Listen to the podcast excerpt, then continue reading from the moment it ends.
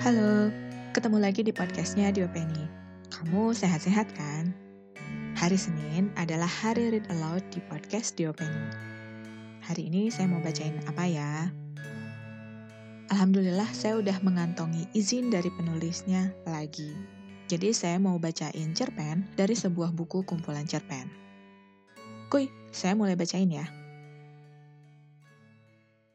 Semenjak huruf itu berdiri di depan namanya, mendadak orang bertingkah aneh di hadapannya. Penambahan huruf itu sebetulnya iseng ia lakukan ketika di kantor sedang sepi. Rekan kerja yang satu ruangan dengannya pamit salat Jumat. Dan mereka memang keluar bersama tadi pukul 11.30. Tapi kemudian ketika ia melangkah lurus ke arah musala yang terletak di belakang gedung kantor, teman-temannya belok ke arah parkiran. Ini sudah lewat jam satu siang, dan sudah lebih setengah jam ia sudah duduk lagi di mejanya. Teman-temannya tadi belum juga kembali. Mungkin makan siang. Biasanya hari Jumat mereka baru kembali ke kantor sekitar jam 2.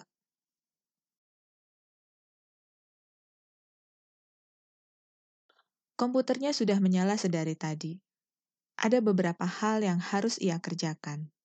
Yang sayangnya membutuhkan validasi dari salah satu temannya yang sedang pergi itu. Ia bengong di depan komputer cukup lama. Tidak tahu ingin melakukan apa. Ia sedang tidak ingin membaca koran. Perutnya sudah penuh makan siang sederhana bekal dari rumah. Dan ia bosan main soliter sendirian. Untuk membuang waktu, ia mulai membereskan berbagai berkas yang tercecer atau bertumpuk di atas mejanya.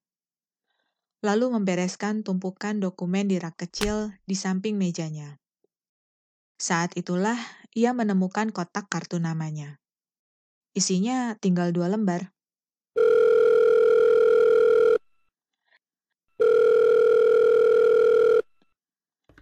Selamat siang, Departemen Pengadaan.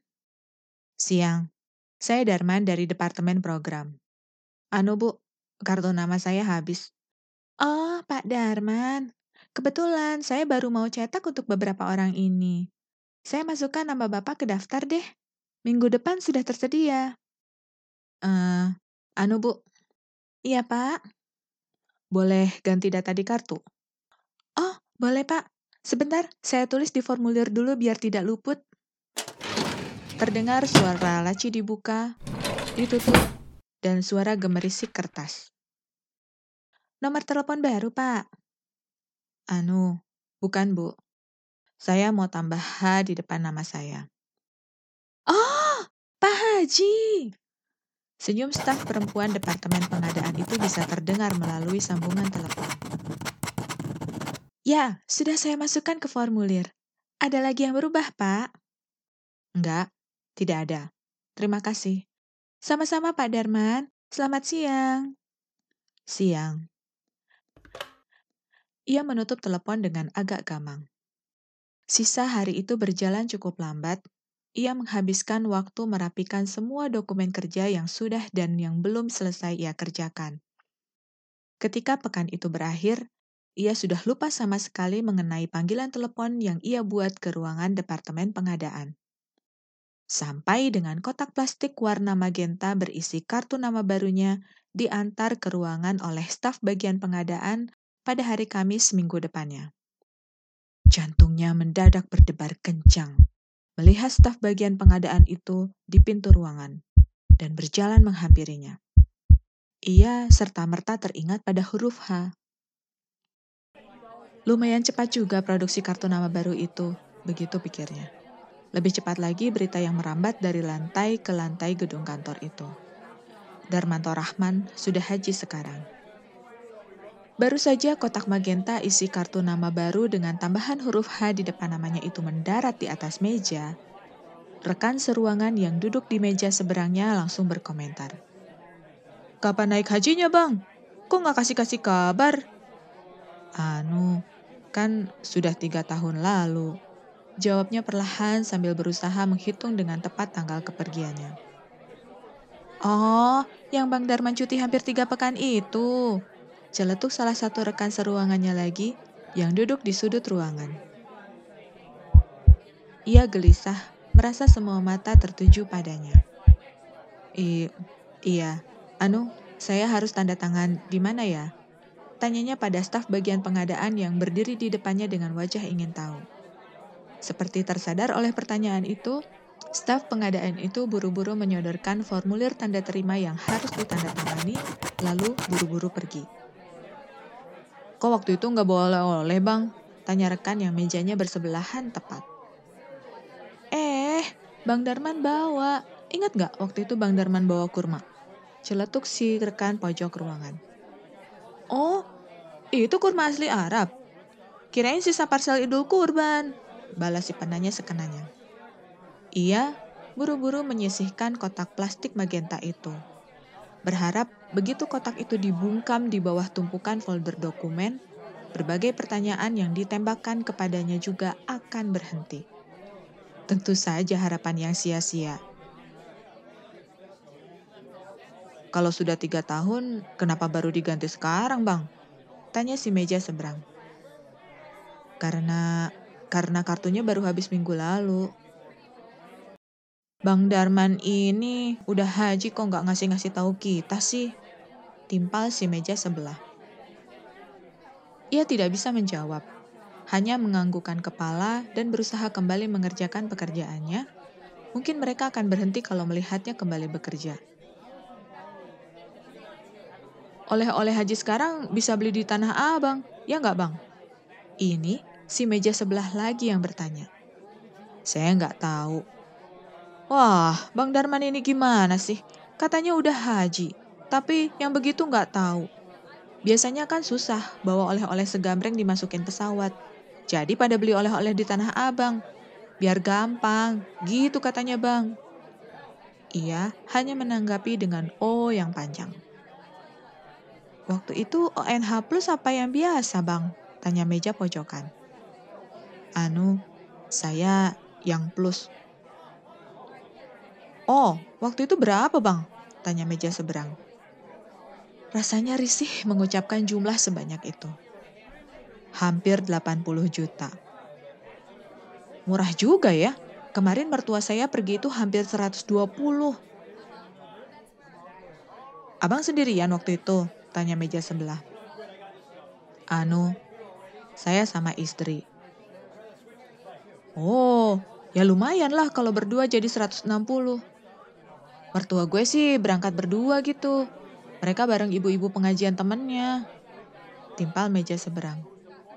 Nabung di mana bang? Meja pojok bertanya. Bang, saya yang biasanya. Enggak pakai paket-paket syariah gitu bang? Enggak, saya tabungan biasa. Wah, berapa lama tuh nabungnya bang? Lama. Tangannya terasa berkeringat. Ia mengambil sembarang dokumen dan menunduk seakan menekuninya, berusaha menolak munculnya pertanyaan lain. Tapi telinganya tak henti menangkap sekilas percakapan yang mengembang di dalam ruangan itu. Ia hanya bisa berpura-pura tidak mendengar. Sementara otaknya merekam berbagai elemen cerita yang lalu menyebar menjadi berita keluar dari ruangan itu ke seluruh penjuru gedung. Haji Darman. Pak Darman pelit dengan uang. Tiap hari makan siang hanya menuran tangan dari rumah, sedangkan pegawai lain makan di luar. Tiap hari naik bus pulang pergi dan kadang menebeng teman supaya bisa hemat biaya perjalanan. Lembur saat orang cuti, Lebaran memilih pulang kampung karena uang lemburnya lumayan. Menabung tiga tahun sampai uangnya cukup buat pergi ke Tanah Suci. Saking pelitnya, berangkat tanpa syukuran, pulang juga tanpa syukuran. Jumat berikutnya, ia tak tahan lagi.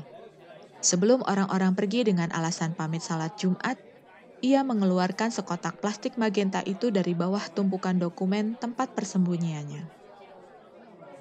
Akhirnya, ia buka kotak itu dan dibacanya untuk pertama kali namanya tercetak dengan tinta emas. H. Darmanto Rahman. Anak saya cuma satu. Katanya perlahan, mendadak. Seisi ruangan itu pun perlahan terdiam. Itu sebetulnya tabungan untuk anak saya kuliah. Tapi anak saya mendadak kecelakaan. Meninggal. Ia mengusap kartu nama itu seperti berusaha menyibak rasa sesal di dadanya. Untuk mengobati hati istri saya, saya pakai tabungan itu untuk pergi ke Tanah Suci. Tidak ada syukuran karena istri saya merasa kami bisa pergi semata-mata karena musibah yang menimpa anak kami. Ia mengusap lagi huruf H tersebut, lalu meletakkan kartu nama itu kembali ke kotak plastik magenta. Hari terakhir di sana, istri saya mendadak kena stroke dan lumpuh hingga sekarang. Tabungan kami terkuras untuk membiayai perawatannya. Ia tersenyum sedikit untuk menghalangi air matanya merebak, lalu mengangguk-angguk pada dirinya sendiri. Ia letakkan kotak plastik magenta berisi kartu nama baru itu di atas meja. Ketika ia mengangkat kembali kepalanya, baru disadarinya betapa hening ruangan itu. Loh, kok masih di sini? Ini sudah hampir jam 12. Nanti telat salat Jumat, katanya sambil berdiri membawa sajadah. Hari itu, rekan-rekan seruangannya salat Jumat di musala belakang kantor.